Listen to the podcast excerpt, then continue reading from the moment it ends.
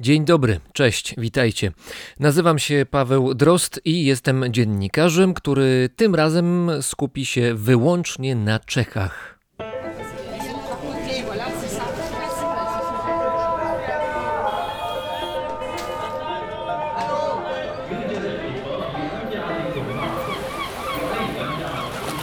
Brzmienie świata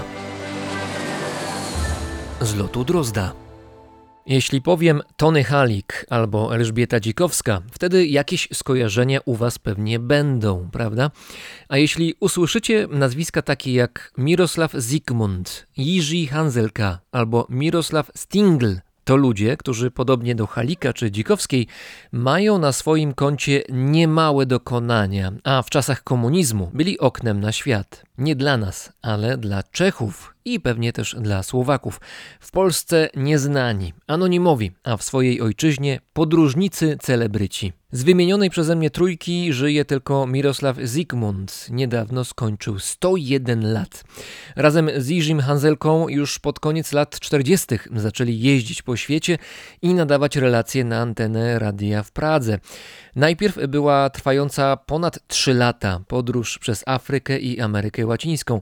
Nieco później przez 5 lat jeździli przez Azję. To był przełom lat 50. i 60. Największą popularność przyniosły im książki. Jedna z nich, poświęcona wyprawie przez Afrykę, została w Czechach wyprzedana w 3 dni 50 tysięcy kopii. Ich opowieści przetłumaczono na 11 języków, a w samym Związku Radzieckim rozeszło się kilka milionów egzemplarzy. Obaj panowie byli tak znani, że jak sami wspominali, w trakcie przejazdu samochodem z Władywostoku do Europy, w trakcie postojów musieli zostawiać fanom autografy. A no właśnie, jechali samochodem. Z zasady były to auta rodzimej produkcji, marki Tatra. Przypominały nieco amerykańskie krążowniki szos. Miały i styl, i wygląd, który przyciągał oko. Chociaż w przypadku awarii naprawa takiego czeskiego auta gdzieś w północnej Afryce czy w Azji Wschodniej była, jak zgaduję, poważnym wyzwaniem. A przy okazji, jeżeli macie słabość do motoryzacji, szczególnie tej sprzed lat, to bardzo serdecznie polecam wizytę w Muzeum Tatry w Koprzywnicach, w Czechach oczywiście. Nie tylko samochody marki Tatra tam się znajdują, ze wszelkich możliwych dekad, naprawdę od początków motoryzacji po bardziej zaawansowane, prawie współczesne modele. I jeszcze jako dodatek na zewnątrz muzeum zobaczyć jeszcze można słoweńską strzałę. To jest czechosłowacki pociąg z lat 30., no powiedzmy taki protoplasta Pendolino, a właściwie jeżeli chodzi o podobieństwa, bardziej chyba przypomina polską Lux Torpedę. Wysokiej klasy pociąg, który był znany głównie z tego, że był bardzo szybki. Więc Koprzywnice Muzeum Tatry w Czechach polecam bardzo, bardzo serdecznie. Ale wróćmy do tych panów, y, dwóch czeskich podróżników, celebrytów, o których mówiłem. Przypominam Mirosław Zygmunt i Jiří Hanzelka, którego zwano George'em. W latach 70. i 80. mieli od władz zakaz opuszczania Czechosłowacji, więc przestali podróżować, ale ludzie nie zapomnieli o ich dokonaniach i kiedy upadł komunizm, panowie znowu pojawili się w świetle Jupiterów, no już jako starsi panowie dwaj. Innym czeskim podróżnikiem celebrytą z ubiegłego wieku był zmarły zupełnie niedawno, bo na początku maja etnograf i pisarz Mirosław Stigl. Myślę, że był dla Czechów tym, czym Tony Halik był dla nas, dla Polaków. W swoim długim życiu odwiedził 151 krajów, napisał ponad 40 książek, a znany był z tego m.in., że w swoim CV miał epizod bycia wodzem plemienia Kikapoa w Ameryce Północnej. Nie było w tym y, przypadku, ponieważ jako etnograf interesował się właśnie rdzennymi ludami na różnych kontynentach. Zresztą nie tylko po drugiej stronie Atlantyku, ale także w oceanii. W podróży spędził blisko 20 lat swojego życia, a podróżował po świecie do osiągnięcia osiemdziesiątki. Dla Czechów ikona, dla Polaków nic nie mówiące nazwisko. Dlatego uczmy się. Mirosław Stigl. Ktoś z Was powie może, że to odległa historia, więc niekoniecznie trzeba ją znać. No zgoda, może i tak jest. Ale czy słyszeliście kiedyś o królowej marmolady z Czech? To historia zupełnie współczesna. Wątpię szczerze, ale nic straconego. W tym odcinku królowa marmolady wystąpi, a tuż przed nią pojawi się jeden z królów reportażu. Polak, ale w Czechy bardzo zapatrzony. Ten odcinek brzmienia świata z lotu Drozda będzie na wskroś czeski, nie wyłączając muzyki.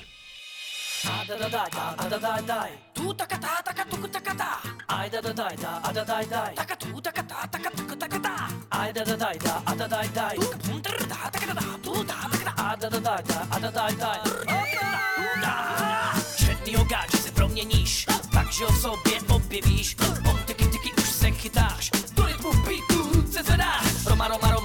Objevuješ, černýho gáče objevuješ. Pohyby svý už neovládáš, nohy sami tancujou, načadáš.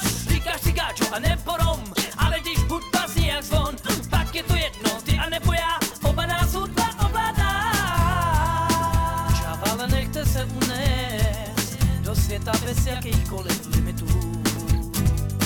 Magii rytmu a tónu hudba ožívá. Zahoď všechny zábrany bejt gajo, scoop bait, chene gajo, pooch, chene gajo, scoop bait, chene gajo.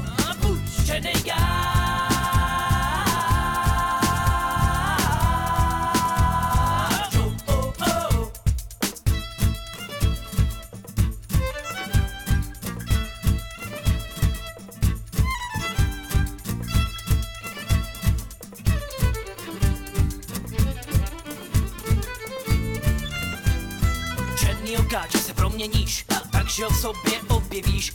Aj da da daj da, a da da daj, dokonale jako samuraj. Chvíla nebo četná, kdo ví, nejlíp asi dohromady obojí.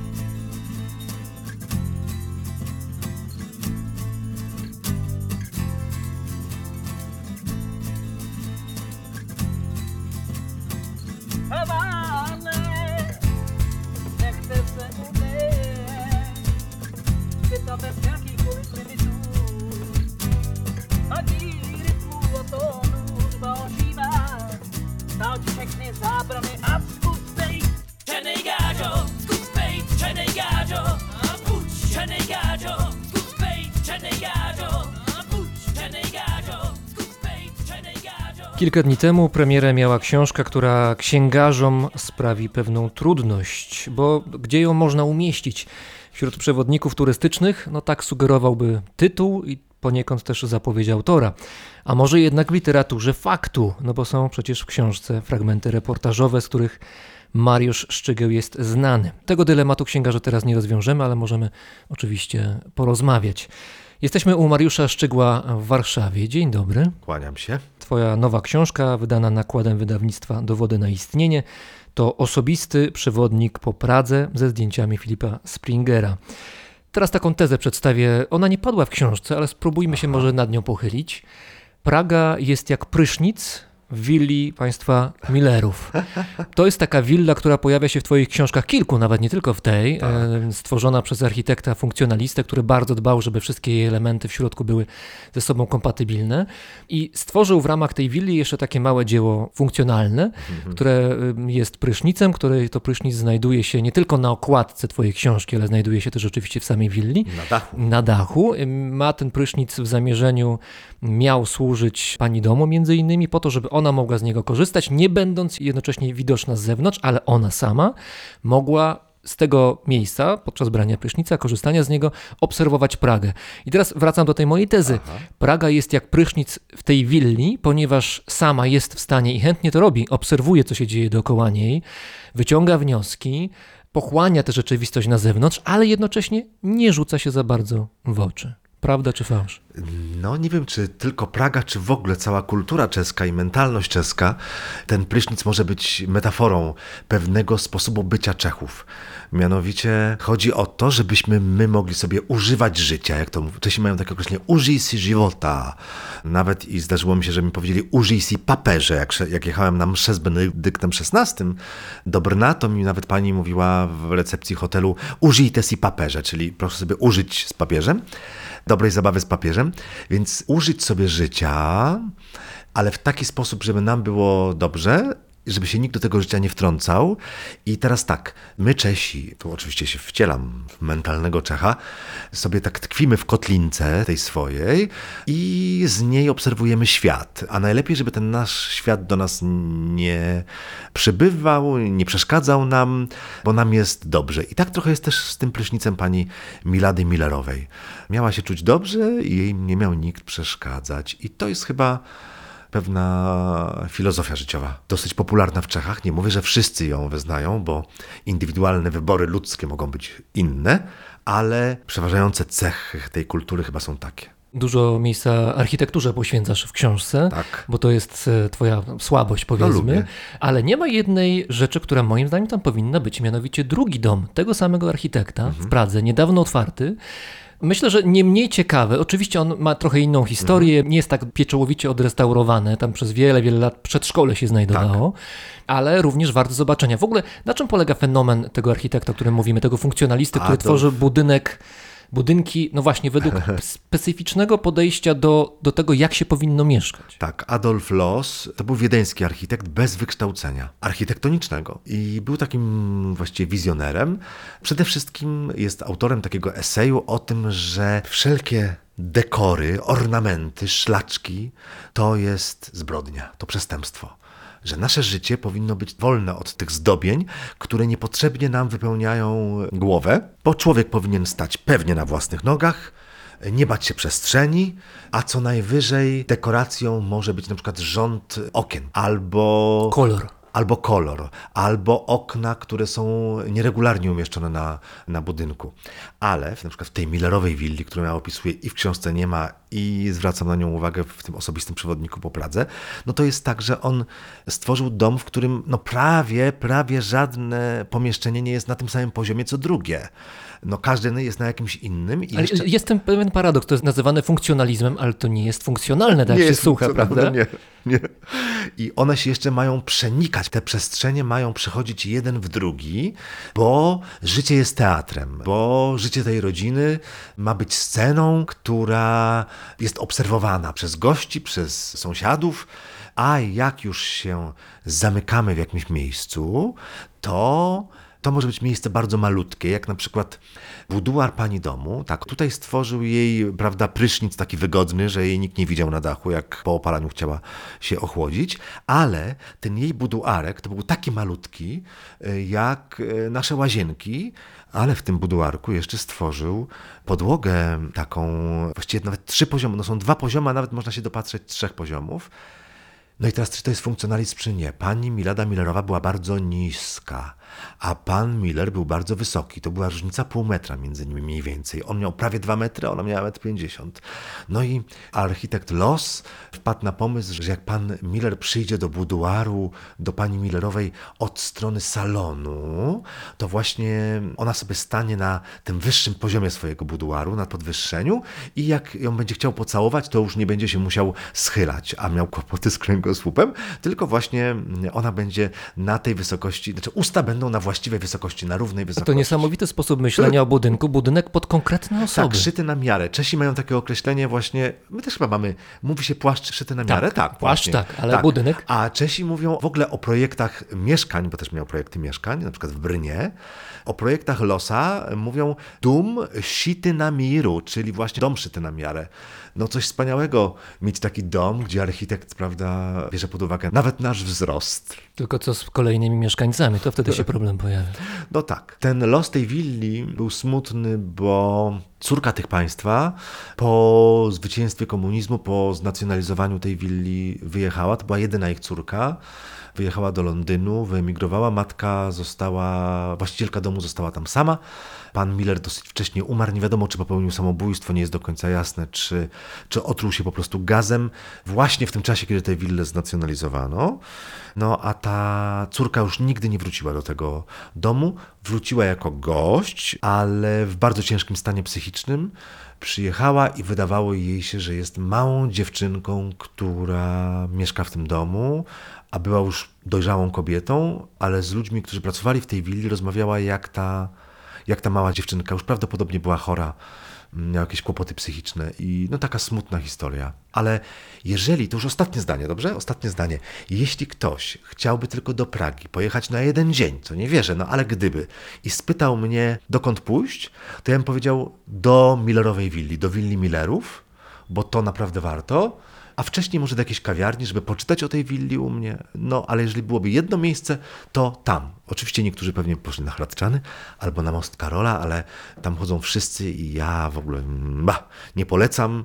Nawet ten mój przewodnik zaczyna się od słów, że każdy, kto idzie na Most Karola czy na Hradczany, robi to na własną odpowiedzialność. Mieliśmy przed chwilą próbkę tego, jak władasz językiem czeskim. Wiemy doskonale, że tak, no padły, Ja- ja mówię padły nieświadomie. No właśnie, bo znasz już ten język i teraz oczywiście, że znajomość języka obcego otwiera wiele drzwi, też nie tylko fizycznie, ale też mentalnie. Tak. Ale moje pytanie brzmi, czy znajomość języka czeskiego w tym konkretnym przypadku jakieś drzwi zamyka mentalnie? To znaczy, czy zmienia się pewna perspektywa w sposób nieodwracalny i to jest niekorzystne? Moje doświadczenia mi, mi mówią, że, że nie, bo ciągle Czesi donoszą, że ja coś widzę inaczej niż oni.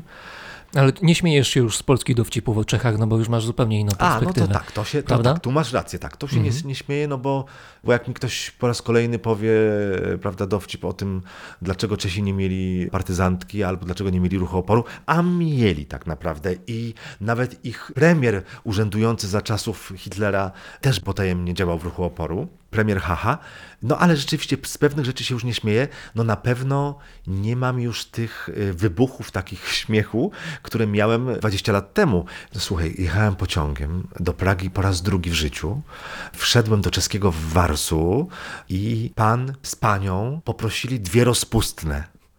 E, Ja si dam rozpustną.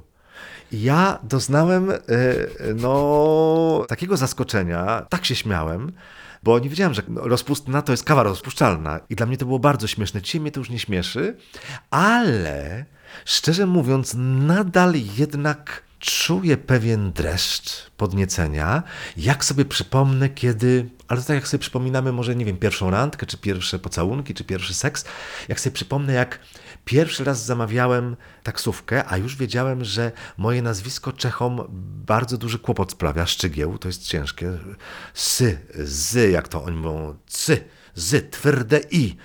Och, pane Ścigieli, pane Ścigieli, jak ja mam to napisać?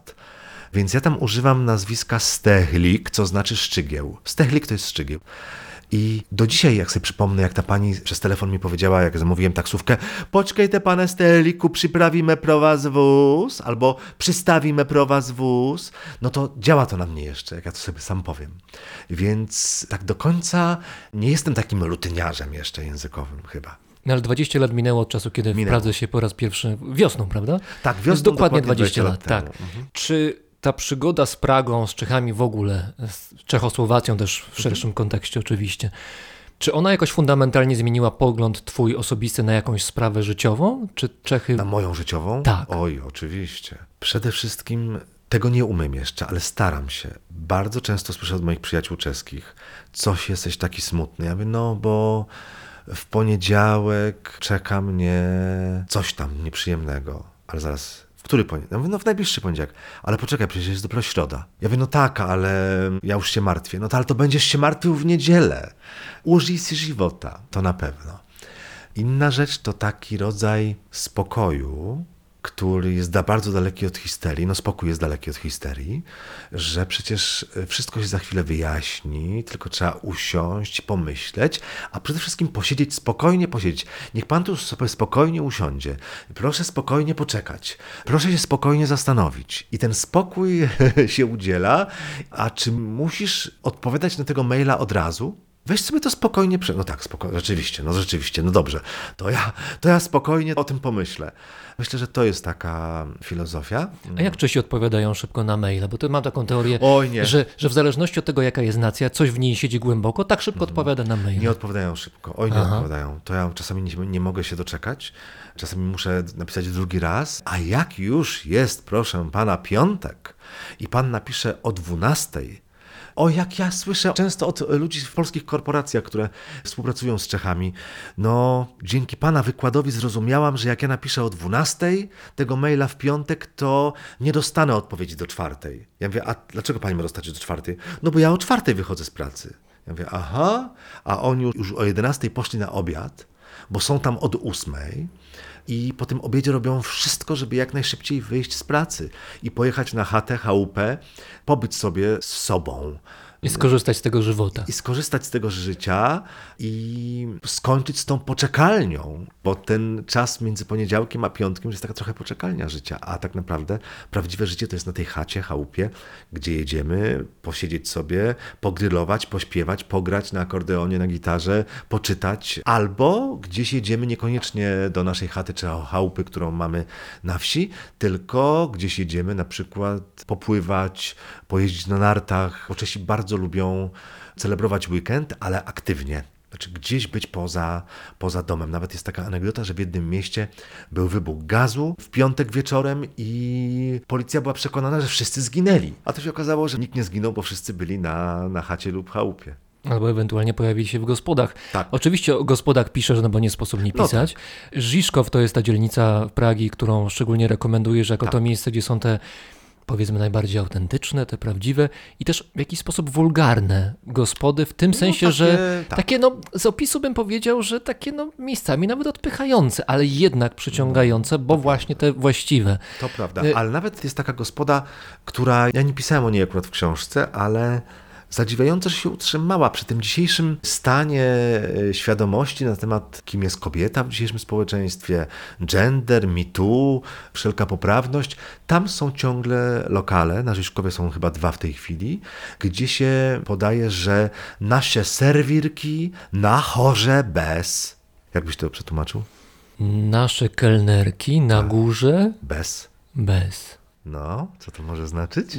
Nie wiem, poproszę o podpowiedź. Na górze bez, czyli bez biustonosza, bez stanika. A, w tym sensie, bo Tak. ja myślałem, że jakieś pięterko jest. Nie, nie, nie. E, na, no też może być antresola oczywiście, ale, ale to chodzi o to, że nie mają stanika. To jest seksistowskie bardzo. Bardzo, ale to naprawdę autentyczne kelnerki, które, no, jestem przekonany, że z własnej nieprzymuszonej woli po prostu podają piwo y, bez, znaczy, jak to się mówi, topless. Znaczy, mogą mieć dół, mogą mieć na przykład spódniczkę, ale, ale właśnie nie mają góry, nie mają odsłonięte piersi i to jakoś jest tam, ciągle funkcjonuje. Jeden z twoich rozmówców, chyba praski taksówkarz, z tego co pamiętam, mówił, że Czesi to jak gołąb są, albo jak gołębie, natomiast Polacy jak, Jak pomniki. jak pomniki.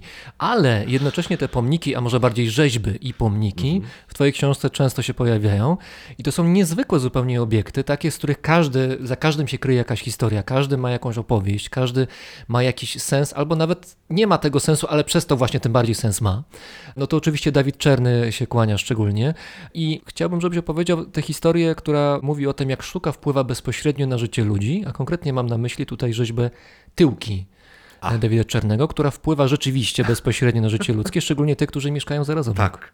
Tyłki, czyli po czesku pyrdelki, to są takie, to jest coś więcej niż tyłek, bo to są nogi i tułów, ale już szyje tych dwóch osób są w ścianie jakby. Bo to są rzeźby wielkości kilku metrów, O prawda? tak, to tam trzeba wchodzić po drabinie. Tak. Nie pamiętam w tej chwili, ile to jest metrów, ale wiem, że no, co najmniej wysokość trzech mężczyzn, czterech może nawet. Wchodzi się po drabinie, te tyłki są wypięte i można do nich zajrzeć. A w środku jest taka instalacja polityczna, gdzie dyrektor, były dyrektor Galerii Narodowej Milan Kniziak karmi kaszką byłego prezydenta Wacława Klausa, a w drugim tyłku jest odwrotnie. Wacław Klaus karmi kaszą dyrektora Galerii Narodowej. To chodzi oczywiście, że kasza to jest taki symbol takiego trochę bezwartościowego jedzenia, na zasadzie, że y, z hradu, czyli od prezydenta ciągle przychodzi kasza medialna, czyli właściwie nic nieznaczące rzeczy, a ten szef Galerii Narodowej, Dawid Czarnego nie znosi, a on nie znosi Dawida Czarnego, więc to jest jakaś zemsta trochę prywatna w tym tyłku. Ten dyrektor też taką kaszę prezentuje w galerii, a nie wartościowych artystów. Natomiast to wszystko się odbywa tam w rytm piosenki zespołu Queen We Are The Champions. Która tam rozbrzmiewa. Rozbrzmiewa tam i ona rozbrzmiewa tak, że jak jest dzień i my włożymy głowę do tego tyłeczka, no to słyszymy i widzimy. Znaczy widzimy i słyszymy tę piosenkę. W dzień tak bardzo nie słychać, ale w nocy na tym podwórku to się niesie jak cholera. A tam mieszkają moi znajomi. Tam mieszka podróżniczka pewna, polska i reporterka. Nie upoważniła mnie, żeby powiedzieć kto, więc nie powiem. I jej mąż architekt. No i strasznie mi się skarżyli. Mówi, no słuchaj, my nie możemy zasnąć. Okna są odsłonięte. Jest upał. Rozumiesz, zasypiasz i słyszysz tego Frediego Merkurego ciągle. Nie można tego wyłączyć. I oni, nawet mówiła mi, że kiedyś wsiedli do samochodu, ruszyli, włączyli radio i akurat radio emitowało tę piosenkę, to po prostu dostali jakieś trzęsawki. No ja mówię, słuchajcie, no to musicie z Dawidem Czernym pogadać, bo przecież on to może wyłączyć, bo on, on wieloma swoimi rzeźbami, także tą głową kawki, która jest tam w centrum, blisko Alei Narodowej, która się rusza cała, on tymi rzeźbami steruje ze swojego smartfona. Po prostu, no takie są dzisiaj możliwości i on może ten Queen wyłączyć na noc. Czyli ma wpływ na tyłki bezpośrednio. Ma wpływ na tyłki, ma wpływ na każdą swoją rzeźbę, nawet taką, która jest w Stanach Zjednoczonych się tam rusza, też ją może wyłączać telefonem. Ale on mówił, rozmawialiśmy z nim, a on obiecał, ale tak, jest wieczór, piątek, sobota, on pójdzie do jakiegoś klubu, ma jakąś randkę, wypije wino, zapomni, no i nie wyłącza tego. No także taka jest historia, no i ona jest też właśnie opisana w tej książce. Gdyby Pragę czytać właśnie przez te pomniki, przez rzeźby, te starsze i te współczesne, to jaka puenta by wyszła z tej zbieraniny? Z tych starszych to by wyszło, że, bo te starsze są głównie z XIX wieku, wyszłoby, że kiedy Czesi zaczęli odtwarzać swoją państwowość, pojawili się ojcowi odnowiciele, patrioci, którzy odnawiali język, odnawiali kulturę, no to troszeczkę w taki patetyzm lekki szli w tych pomnikach. Natomiast bardzo szybko pojawiła się nowa fala rzeźbiarzy dwudziestowiecznych, którzy, no właśnie w sposób troszkę inny traktują tę materię. I w kontrze do tego patosu Kontrze, generalnie. Tak, tak, zdecydowanie. Czyli życie czy historię trzeba przetworzyć na dzieło sztuki. I wtedy, jeśli to jest pomnik poświęcony Janowi Palachowi, prawda, który spalił się w proteście, podpalił się w 69 roku w styczniu po najeździe wojsk Układu Warszawskiego na Czechosłowację w 68, no to nie jest jakiś mężczyzna, który niesie pochodnie, prawda, czy mężczyzna w postaci płomienia wyrzeźbiony, tylko to jest jak to się powie po czesku, to jest nenapadny, czyli taki niezwracający na siebie uwagi w sposób jakiś taki bezczelny krzyż, który też nie stoi na ziemi, tylko on jest w chodniku jakby. Drzewiec tego krzyża jest równiutko z chodnikiem pod Muzeum Narodowym. Równiutko z chodnikiem można w ogóle przejść po nim nie zauważywszy, że idziemy po krzyżu.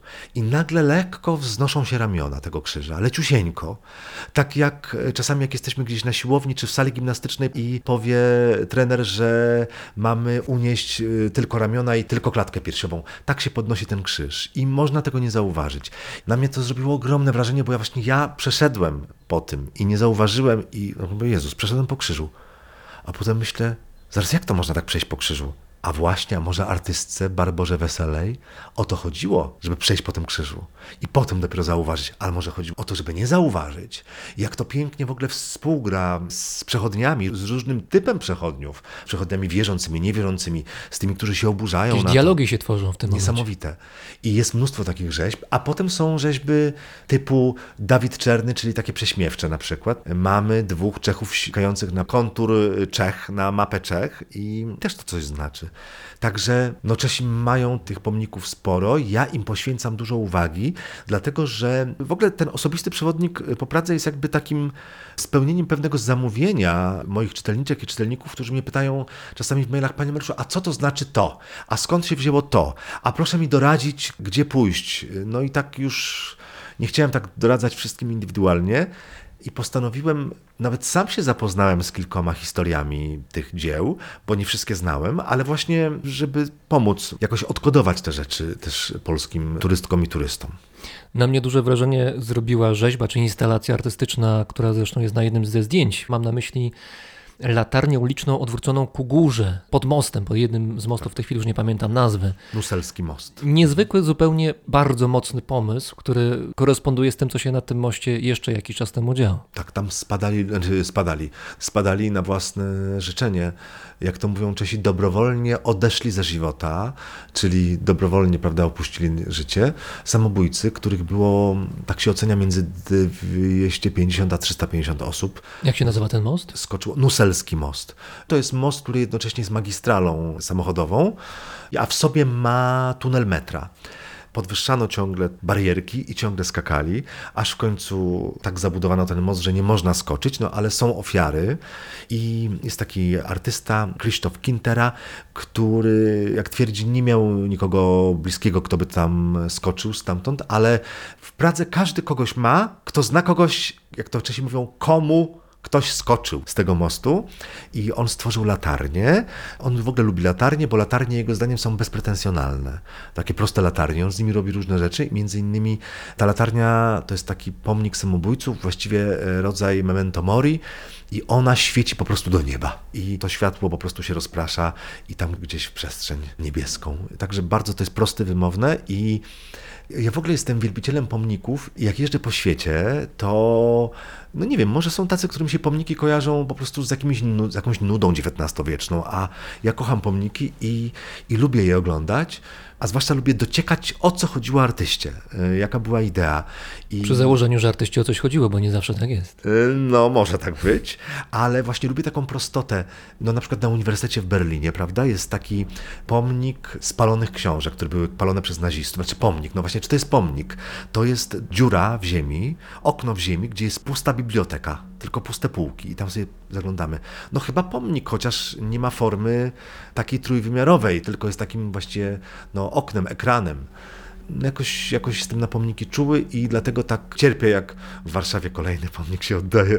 Niefajny, a najgorsze to są te pomysły, żeby uczcić kogoś, to musimy go wyrzeźbić.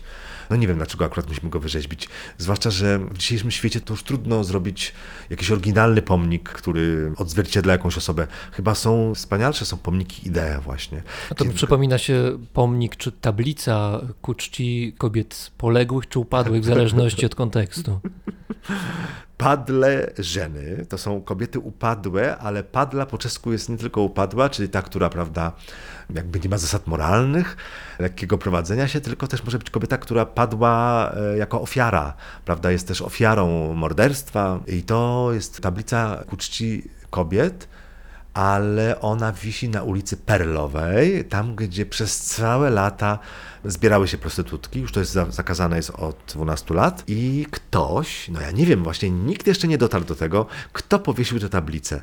Jak twierdzi rzeczniczka ratusza praskiego, no chyba ktoś, kto musiał mieć jakieś emocje związane z jakąś kobietą i można odczytywać tę tablicę właśnie jako tablicę ku czci kobiet upadłych, jak i tych kobiet, które są ofiarami opiekunów, czy też mafii, czy też koleżanek po fachu. Skoro ruszyliśmy temat cielesności ludzkiej, to może chwilę porozmawiajmy o kabinkach. O!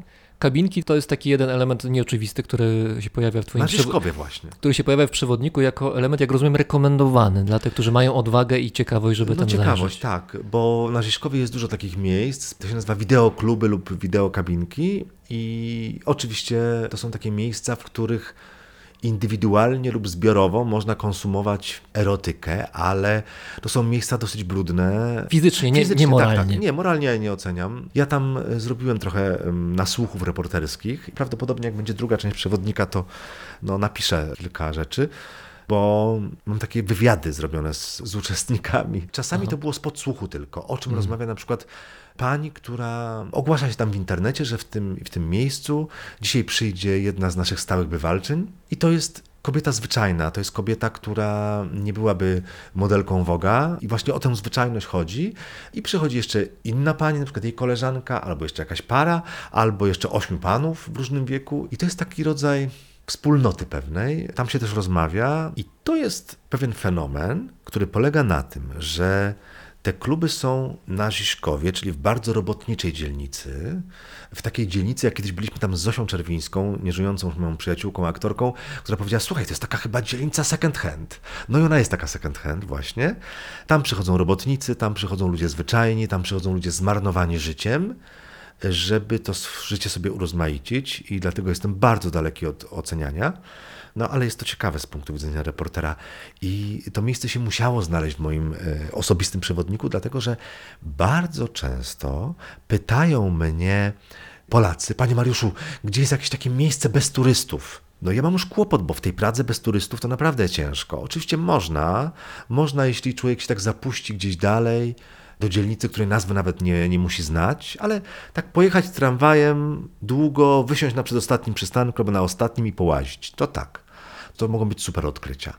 Zwłaszcza po południu, jak już są czynne knajpy. Natomiast takie miejsce gdzieś w takim, bo ci, którzy mnie o to pytają, to chcą miejsca bez turystów, ale tam, gdzie może Ale turysta dojść. Ale turystyczne. No to, ja tam nawet napisałem przy jednej kawiarni, Montmartre się chyba nazywa, napisałem tak, w tej kawiarni po południu nie znajdziecie wielu turystów, a jeśli chcecie mieć pewność, że ich tam nie ma, to nie idźcie tam. No więc napisałem, że takim miejscem bez turystów są te seks kabinki, no ale to trzeba być trochę odważnym, bo jak sobie y, pan czy pani usiądzie w takiej kabince, to się może okazać, że ona się nie zamyka, bo jest zepsuty zamek i że tam się nam cała Praga się nam zaraz tam pcha do tej kabinki. No tam opisałem taką jedną swoją przygodę, nie chcę e, spoilerować, ale chciałem pokazać taką Pragę taką trochę podskórną. Tam jest taki moment, kiedy ja mówię, że wchodzimy w taką, nie wiem, y, czy byłeś kiedyś w Nowym Jorku? Nie. Y, W Nowym Jorku jest taka sławna od kilku lat, takie miejsce y, uwielbiane, bo ja też jestem fanatykiem Nowego Jorku. się nazywa High Line. I ten High Line to jest taka dawna trasa kolejowa, która prowadziła przez tereny różnych fabryk nowojorskich, różnych hurtowni, magazynów, składów i po prostu wywożono produkty, towary, ale właśnie pociągiem. I potem te składy wszystkie już przestały istnieć, te fabryki przestały istnieć czy zbankrutowały i dzielnica zmieniała swój charakter w dzielnicę mieszkalną i stworzono z inicjatywy mieszkańców taki rodzaj parku, ale ten park jest wąski, tak jak jest wąski tor kolejowy, prawda? Właściwie dwa tory kolejowe. No i tak się wędruje i tam są nasadzone drzewa, tam są lokaliki, tam są tarasy, tam są rzeźby, tam artyści różne rzeczy robią, tam nawet jest platforma, gdzie może grać teatr. No i to jest coś naprawdę fantastycznego. To się w Chelsea zaczyna. I kiedyś ten Highland nowojorski miał dwa kilometry, a teraz ma mnóstwo, aż potem jest nad rzeką, potem zawija, no coś cudownego.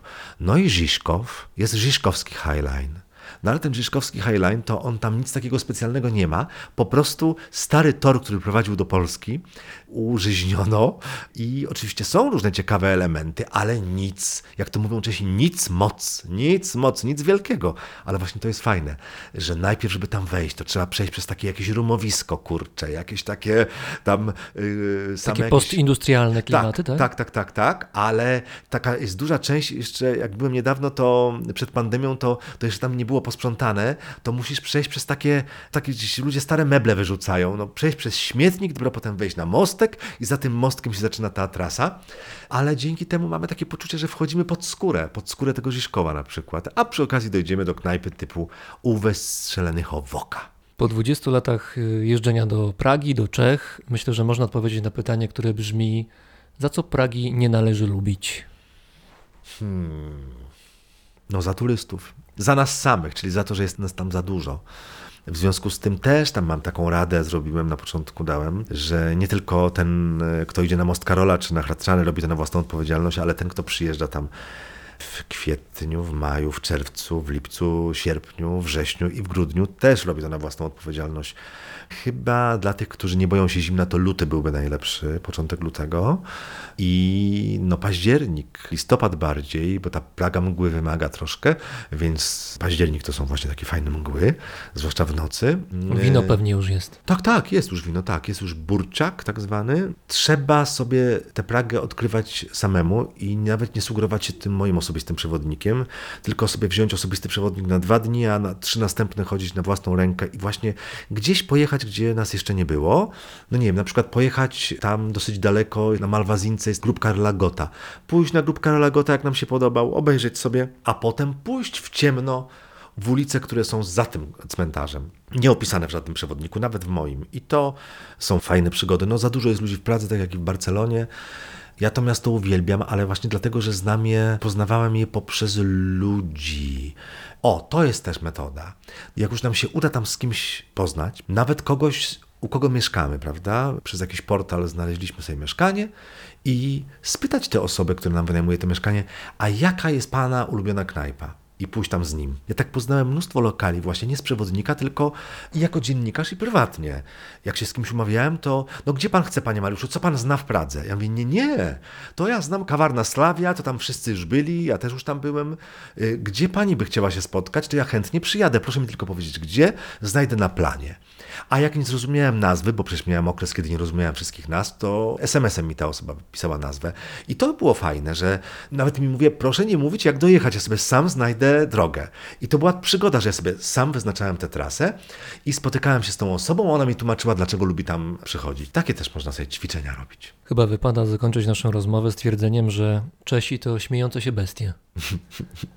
No to jest takie popularne zdanie o Czechach, to oni sami, gdyby mieli powiedzieć, co o nas mówią, jakie jest, prawda, najwic frekwentowana wieta o Czesich, no to byłoby to zdanie, które wypowiedział Heydrich, czyli protektor Czechy Moraw, przyjaciel Hitlera, spopularyzował Hrabal w swojej książce Ostrze sledowane wlaki. Jezus, ja jak mówię o Czechach, myślę po czesku, pociągi pod specjalnym nadzorem. Czesi się lubią śmiać, bo to jest oczywiście moja teoria. Kiedy się śmiejemy, przejmujemy władzę nad czymś, Albo maskujemy, to co albo problemem. maskujemy, albo maskujemy to, co nas boli, maskujemy swoją nieśmiałość, maskujemy to, że nie mamy tej władzy, a jak się śmiejemy, to przynajmniej udajemy, że mamy władzę. Taki to psychologiczny mechanizm i Czesi są go świadomi, bo gdyby nie byli tego świadomi, to by nie powtarzali tego zdania, a oni mówią tak, tak, zresztą Czechom wszystko można powiedzieć o nich, bo oni sami najgorzej mówią o sobie, więc mówią tak, to sme my, my sme, smejcy se bestie. Osobisty przewodnik po Pradze ze zdjęciami Filipa Springera, Mariusz Szczygieł. Bardzo dziękuję. Ja również na skledaną w Pradze.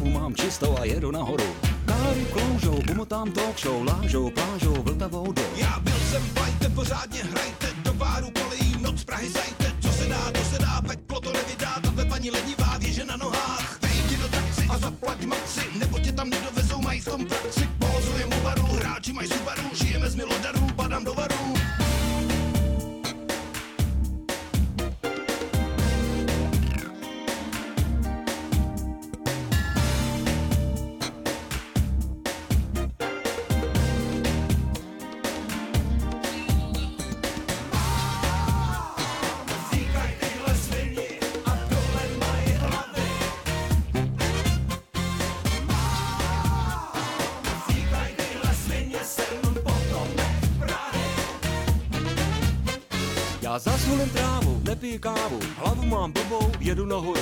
A káry kloužou, talk show, lážou, plážou,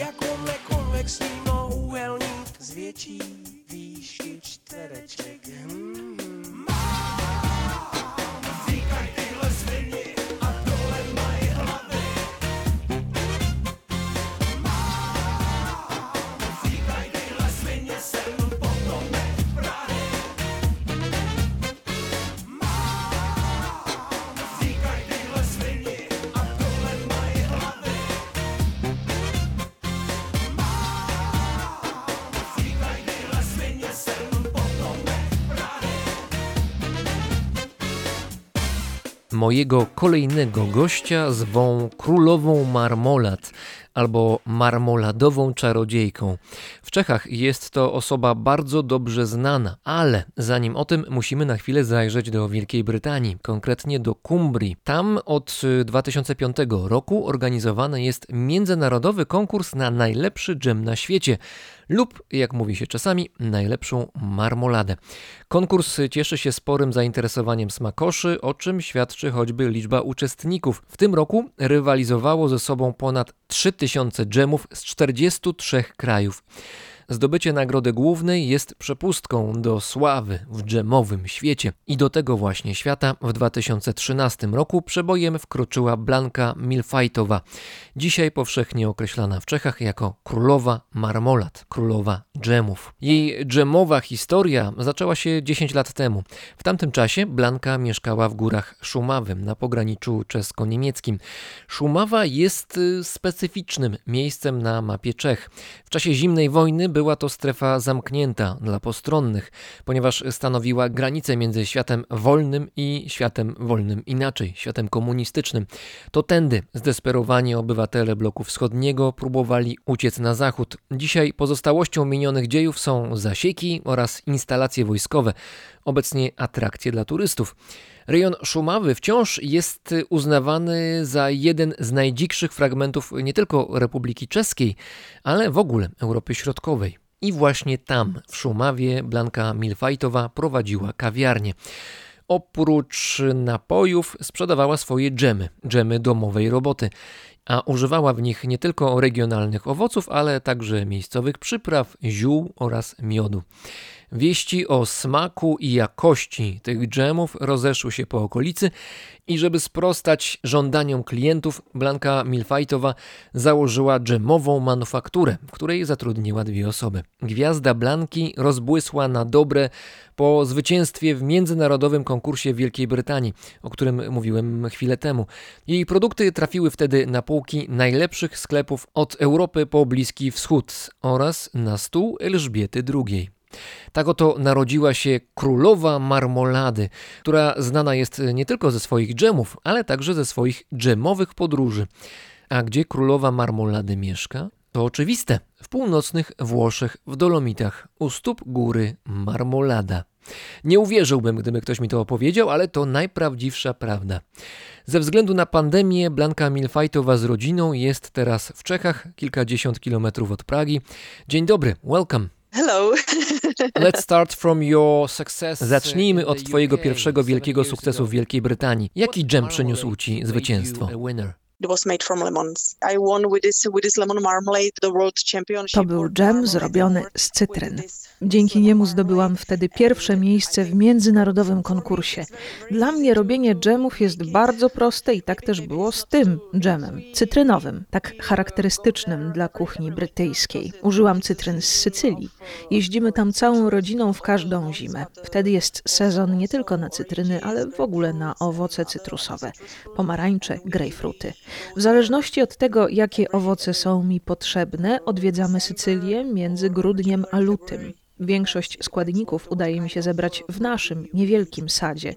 Cytryny czy pomarańcze zbieramy bezpośrednio z kilku drzewek, które tam rosną. Zbieramy ręcznie. Natomiast kiedy wykorzystuję owoce z terenu Czech, kupuję je od miejscowych rolników, na przykład truskawki albo maliny. Tak samo jest z jagodami i żurawiną, a więc z owocami leśnymi. Cranberries and blueberries. Powiedziałaś, że robienie dżemów jest dla ciebie łatwe, ale jednocześnie wiemy, że chyba tak do końca łatwe nie jest, skoro to ty zwyciężyłaś w kilku międzynarodowych konkursach marmoladowych. No i cieszysz się uznaniem specjalistów. W takim razie, w czym tkwi sekret? What is inside your secret? Myślę, że wiele bardzo dobrych rzeczy, które zdarzają się nam w życiu, to rzeczy bardzo proste, szczególnie gdy masz z nimi kontakt każdego dnia. W przypadku dżemów najważniejsza jest wysoka jakość owoców. Niektórzy uważają, że wystarczą owoce starsze, może nawet uszkodzone albo nieco zepsute. Odcinają niezdatną część i gotowe. Moim zdaniem to złe rozwiązanie. Najlepszy efekt można osiągnąć używając najwyższej jakości owoców i to jest jeden z moich sekretów. Drugi z nich to czas gotowania. Nie należy gotować zbyt długo, w przeciwnym wypadku tracisz smak. Wobec tego prosimy o przepis na dżem cytrynowy, ten, który zapewnił ci pierwszą wielką wygraną w konkursie w Wielkiej Brytanii. Jest bardzo uh, prosty. Musisz ugotować całe cytryny trzy razy. Pierwsze dwa razy trwają po 10 minut każdy. Potem należy odłożyć garnek na bok. To ważny element, ponieważ w ten sposób owoce stracą swoją gorycz. Potem gotujesz trzeci raz tak długo, aż skórka na cytrynach stanie się miękka. Wtedy dopiero kroisz je na kawałki, by z cytryn wydostał się miąższ. Potem dodajesz cukier i gotujesz dalej. Potrzebny będzie termometr, ponieważ gotowanie, czy może bardziej smażenie, powinno się skończyć, gdy temperatura całości osiągnie 103 stopnie Celsjusza. Z cytrynami jest trochę więcej zabawy niż z innymi owocami, więc cały proces przygotowania dżemu zajmuje godzinę, może półtorej. Samo gotowanie trwa do 15 minut. I to wszystko. 10 minutes, 10, 15 minutes and that's it. Czech Republic, w Republice Czeskiej jesteś znana nie tylko dzięki swoim dżemom czy marmoladom, ale także z powodu swoich zagranicznych wypraw marmoladowych. Pierwsza z nich miała miejsce w 2013 roku i biegła głównie przez Europę. To wtedy czeska prasa nazwała cię marmoladonomatką. Jak od tego czasu zmieniła się twoja perspektywa patrzenia na świat? Oczywiście, gdy dużo podróżujesz i spotykasz tak wielu ludzi z różnych krajów i kultur, to musi wywrzeć na ciebie wpływ. Jednocześnie starałam się patrzeć na świat tak, jak każdy z nas. Niektórzy mogliby pomyśleć, że przez moje sukcesy, zdobyte nagrody i sławę, woda sodowa odbiła mi do głowy, ale tak nie jest. Wydaje mi się, że wciąż jestem normalna. Tamta pierwsza marmoladowa ekspedycja była dla mnie czymś nowym, ponieważ trwała rok. W tym czasie byliśmy niemal non-stop w trasie naszym kamperem i tylko kilka razy na chwilę wróciliśmy do Czech. Nigdy wcześniej nie podróżowałam w ten sposób. Każdy z odwiedzonych przeze mnie krajów miał w sobie coś ciekawego. Z mojego punktu widzenia, ponieważ był to wyjazd, w trakcie którego robiłam dżemy, najłatwiej było na południu Europy i na styku Europy i Azji. Tam bez trudu znajdowałam odpowiednie owoce. Co innego na północy. Wyzwaniem na pewno były wyspy północnej Szkocji albo Szetlandy. Drzew właściwie tam nie ma, tylko trawa, trawa i owce. Ale udało mi się znaleźć tam ludzi, którzy mimo trudnych warunków uprawiają owoce w szklarniach i mają na tym polu duże sukcesy. Niektóre kraje cieszą się długimi i żywymi tradycjami, jeśli chodzi o wytwarzanie dżemów. Myślę, że zarówno Czechy, jak i Polska należą do tego grona. Czy w trakcie Twoich marmoladowych podróży natrafiłaś na miejsca, gdzie takich tradycji w ogóle albo prawie nie było? Tak właśnie było na północy Europy. Ma na to wpływ oczywiście klimat, słońce i temperatura. Nie ma tam tak silnych tradycji związanych z produkcją dżemów, które są we Włoszech, w Hiszpanii, we Francji czy w Maroku. Poza tym ich owoce są drogie i nie każdy może sobie na nie pozwolić. Ale ku mojemu zaskoczeniu, najlepsze truskawki na dżem znalazłam w północnej Norwegii, za kołem podbiegunowym. Muszą mieć tam jakiś mikroklimat, bo tamtejsze truskawki były świetne. W trakcie innej mojej marmoladowej podróży, która przebiegała przez 15 wysp na świecie, byłam na Karaibach. Na Trinidadzie i Tobago miałam okazję poznać tradycję robienia przetworów z owoców, które są inne niż w Europie. Na przykład używają tam bardzo ostrej odmiany papryki habanero, na którą mówią skorpion, ponieważ kształtem przypomina odwłok skorpiona. Kilka lat temu trafiła do księgi Guinnessa jako najostrzejsza papryka świata. Teraz jest chyba na piątym miejscu, ale i tak skorpion jest bardzo ostry. Na Trinidadzie i Tobago do jednego z dżemów z tą papryką chili dodałam też kilka termitów z lasów deszczowych. Były dosyć kwaśne, dodałam je dla żartu. Ale w tym regionie świata, gdy zgubisz się w lesie deszczowym i musisz coś zjeść, możesz ratować się właśnie jedzeniem termitów. Są pożywne w niewielkiej ilości i pomagają przetrwać. Czy po podróżach po świecie przywiozłaś do domu jakieś przepisy na dżemy, z których korzystasz do dzisiaj w swojej kuchni? Bardzo trudno jest uh, korzystać z takich przepisów, ponieważ problem stanowi dostęp do konkretnych owoców z danej części świata. Oczywiście możesz kupić w sklepie zarówno cytrusy, jak i choćby owoce opuncji figowej albo papaje, ale nigdy nie będzie to ten smak, który możesz poczuć tam, skąd te owoce pochodzą. Tam możesz je mieć zerwane bezpośrednio z krzaka lub drzewa. To najlepsza opcja z możliwych. Mimo tego czasami zdarza mi się przyrządzać dżemy z owoców egzotycznych tutaj, w Europie, jeśli mam dostęp do dobrych składników, ale nie zdarza się to zbyt często. Marmolady czy dżemy są nie tylko częścią deserów czy słodkich posiłków, to także znakomite dodatki do dań głównych. Osobiście mam wielką słabość do sera camembert na ciepło z dodatkiem dżemu z żurawiny. Jako specjalistka od dżemów świata, czy możesz polecić inne tego typu połączenia? Recommendations. Tak, myślę, że to połączenie, o którym mówiłeś, jest bardzo typowe i jednocześnie bardzo dobre. W północnych Włoszech, gdy robimy pizzę z przewagą sera, każdy z czterech typów serów, z których korzystamy, ma dodatek w postaci dopasowanego dżemu. Marmolady i dżemy świetnie komponują się też z mięsami i pasztetami, szczególnie z pasztetami w stylu francuskim, z dodatkiem wątróbki. Kiedy pieczesz w piekarniku szynkę, polecam potraktować ją dżemem pomarańczowym. Tak samo pieczona kaczka świetnie spotka się z takim właśnie dżemem. Poza tym do kaczki świetny jest też sos z dodatkiem dżemu wiśniowego, nieco kwaśnego. Tak, dżemy znakomicie sprawdzają się w daniach mięsnych. Jesteś przykładem osoby, która z jednej strony jest stereotypową mamą, która dogląda swoich dzieci w domu i osobiście zajmuje się ich wykształceniem w ramach edukacji domowej, a z drugiej strony spędzasz niemało czasu w trasie, jeżdżąc po świecie i pracując w drodze. Jak udaje ci się godzić te dwa przeciwstawne światy? Teraz, po długim, wielomiesięcznym podróżowaniu, potrzebujemy trochę czasu dla siebie w naszym domu, na miejscu, więc nie jeździmy za wiele. Teraz jest czas na bycie domatorami. Ale to nie znaczy, że nie planujemy nowych wyjazdów. Wkrótce zamierzamy przejechać obie Ameryki w ramach kolejnej marmoladowej wyprawy. Tak samo ma być z Afryką, więc to będą duże wyprawy. Podróżowanie nie sprawia mi kłopotu, ponieważ od zawsze podróżuję rodzinnie, z mężem i dziećmi, które też jeżdżą z nami. Są przyzwyczajone do życia w trasie. Zresztą właśnie urodziły się w podróży na Sycylii, niedaleko Etny, w Dolomitach, w karetce w drodze do szpitala i w naszym samochodzie na autostradzie do Pragi. Podróż mają w genach. Dziewczynki mają 7 i 4 lata, a najmłodsze nasze dziecko, chłopiec, półtora roku.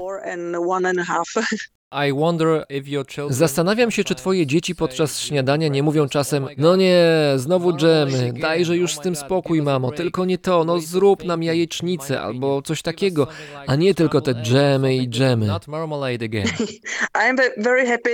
Jestem bardzo szczęśliwa, że moje dzieci tak nie mówią, mimo że mamy kilka słoików dżemów i marmolad do wyboru podczas każdego rodzinnego śniadania. Gdyby było inaczej, od razu rozległyby się głosy, gdzie jest dżem, gdzie jest dżem. Kiedy niedawno rozmawiałem z moimi przyjaciółmi i mówiłem, że wkrótce będę miał rozmowę z czeską królową marmolady, byli zainteresowani, ale kiedy dodałem, że ta czeska królowa marmolady mieszka u stóp góry Marmolada we Włoszech, wpadali najpierw w osłupienie, a potem zaczynali się śmiać, bo to brzmi jak żart. Jak to się stało, że zamieszkałaś pod Marmoladą? To było celowe, czy to był czysty przypadek? Przypadek. Jakiś czas temu regularnie bywaliśmy w północnych Włoszech i kilka razy zatrzymywaliśmy się na małym kempingu właśnie u stóp góry Marmolada w Dolomitach. Spodobało nam się to miejsce, więc poprosiliśmy właścicieli, żeby odezwali się do nas, gdyby kiedykolwiek zamierzali sprzedać ten kemping razem z domem. I któregoś dnia oni zadzwonili. Przeprowadzka z Szumawy w Czechach do Włoch była trudną decyzją, ale zdecydowaliśmy się. Początki nie były łatwe, ponieważ wtedy nie mówiłam w ogóle po włosku. Na szczęście był mój mąż, wcześniej mieszkał kilka lat we Włoszech, więc znał język. Tak, o tym, że zamieszkaliśmy pod marmoladą, zdecydował przypadek. Tam masz teraz dom, jak i kemping, więc jak rozumiem, każdy może przyjechać, odwiedzić cię i spróbować twoich dżemów. Tak, to jest możliwe na miejscu, ale oczywiście nie teraz, ponieważ trwa pandemia. Moje dżemy są dostępne wciąż w Czechach. Już jakiś czas temu zdecydowałam, że nie będę sprzedawać moich produktów w sieciach supermarketów i w dużych sklepach, gdzie mali producenci są wykorzystywani. Obecnie moje dżemy sprzedaję osobiście lub w mojej kawiarni w Szumawie. Hołduję w zasadzie, jeśli sama coś zrobisz, potem sama to sprzedaj. Dzięki temu mam bezpośredni kontakt z kupującymi, mogę ich poznać, porozmawiać, mogę powiedzieć im, jak moje dżemy zostały zrobione i z jakich składników. Taką mam filozofię. W tym odcinku mojego podcastu wystąpił już Mariusz Szczygieł, dziennikarz i reporter, który jest dobrze znany ze swoich książek o Czechach, również wśród Czechów. W swojej nowej książce pisze o Pradze, widzianej jego oczami. A jakie są twoje ulubione zakątki w tym mieście? Can you tell us what are your favorite places? Lubię historyczne centrum i tamtejsze małe uliczki, ale chodzenie po nich bez towarzystwa tłumu turystów jest niemożliwe. Chociaż nie, teraz jest możliwe. Lubię na wzgórzu Pedrzin mały barokowy ogród Wdrbowski.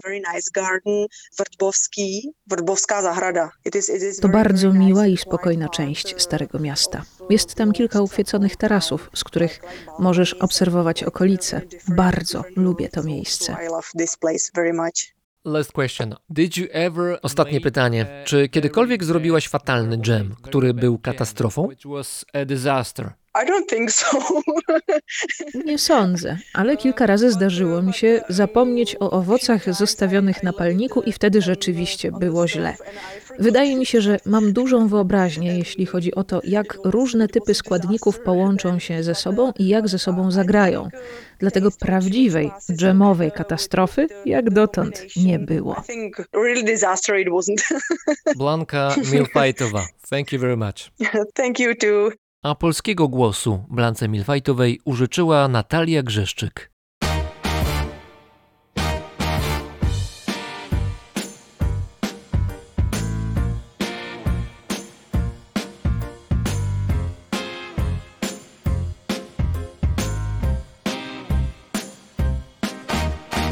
Jsem Viktor silný, krátko zraký, do parku chodím krmit holuby, snažím se koukat po takový nějaký, co bych se s ním mohl mámě pochlubit.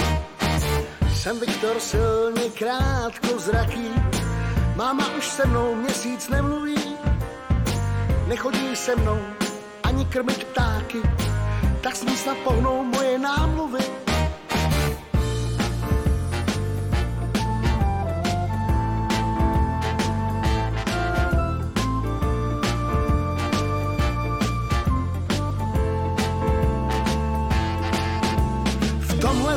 Městě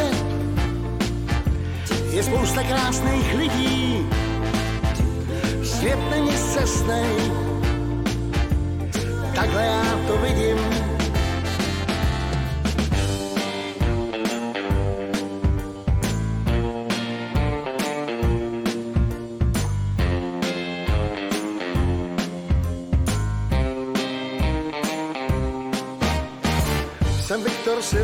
Krátko zraký, nějakou si najdu, to se nebojím.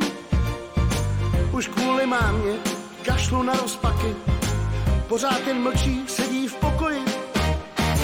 Jsem Viktor silně krátko zraký, když jsem nám tuhle vařil snídani, tak moje máma, všim jsem si taky, že prostě trochu divně zavání v tomhletom městě je spousta krásných lidí. Svět není cestnej, takhle já to vidím. Hlavně mít doma, hlavně mít doma. někoho, kdo tě čeká. Tak já to vidím, někam. Jsem Viktor silně krátko zraký, Včera jsem v parku potkal anděla, vzal jsem mi k mámě a Ježkovi zraky, jako ty předtím taky omdlela. Omdlela. Omdlela. Omdlela. Omdlela. Omdlela.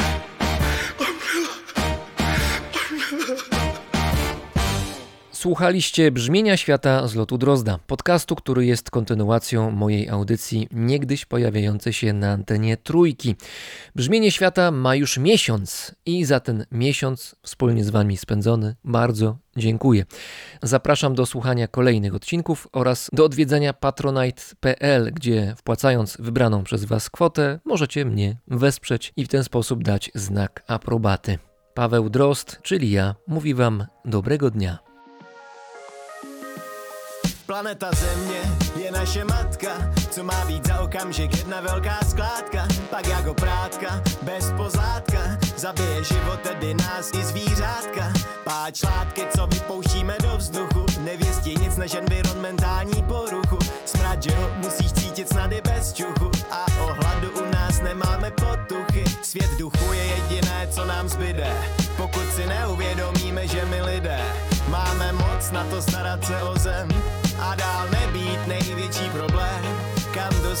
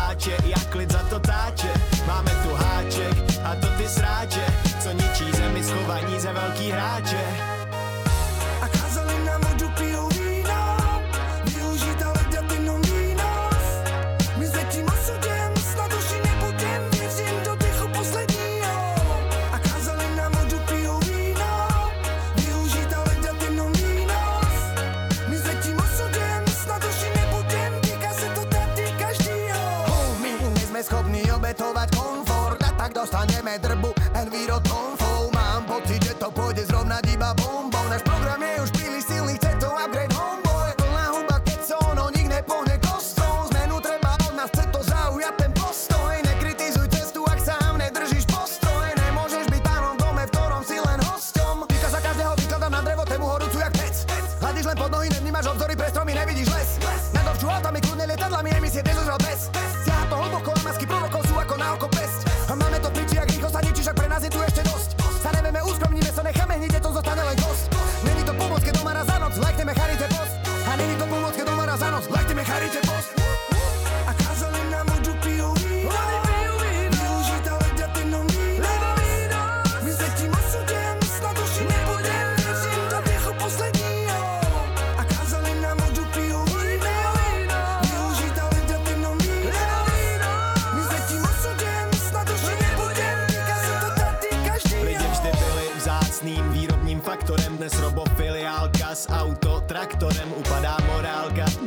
sektorem a problém s prostorem hraničí s hardcorem. Média jsou denně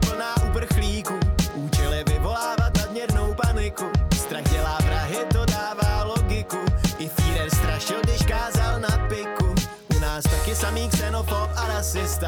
Halo lidi, nezbláznili jste se do čista. Právě vám by nejvíc podlatá očista. Pak by se mohl člověk možná v očích smát. Pomůžeme, co bude v našich silách. Víc nezmůžeme, tež nežijem ve vilách.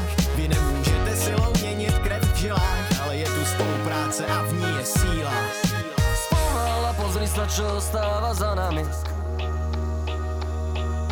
Tento problém nevyrieši zavretými dverami. Damoklov meč nám visí nad hlavami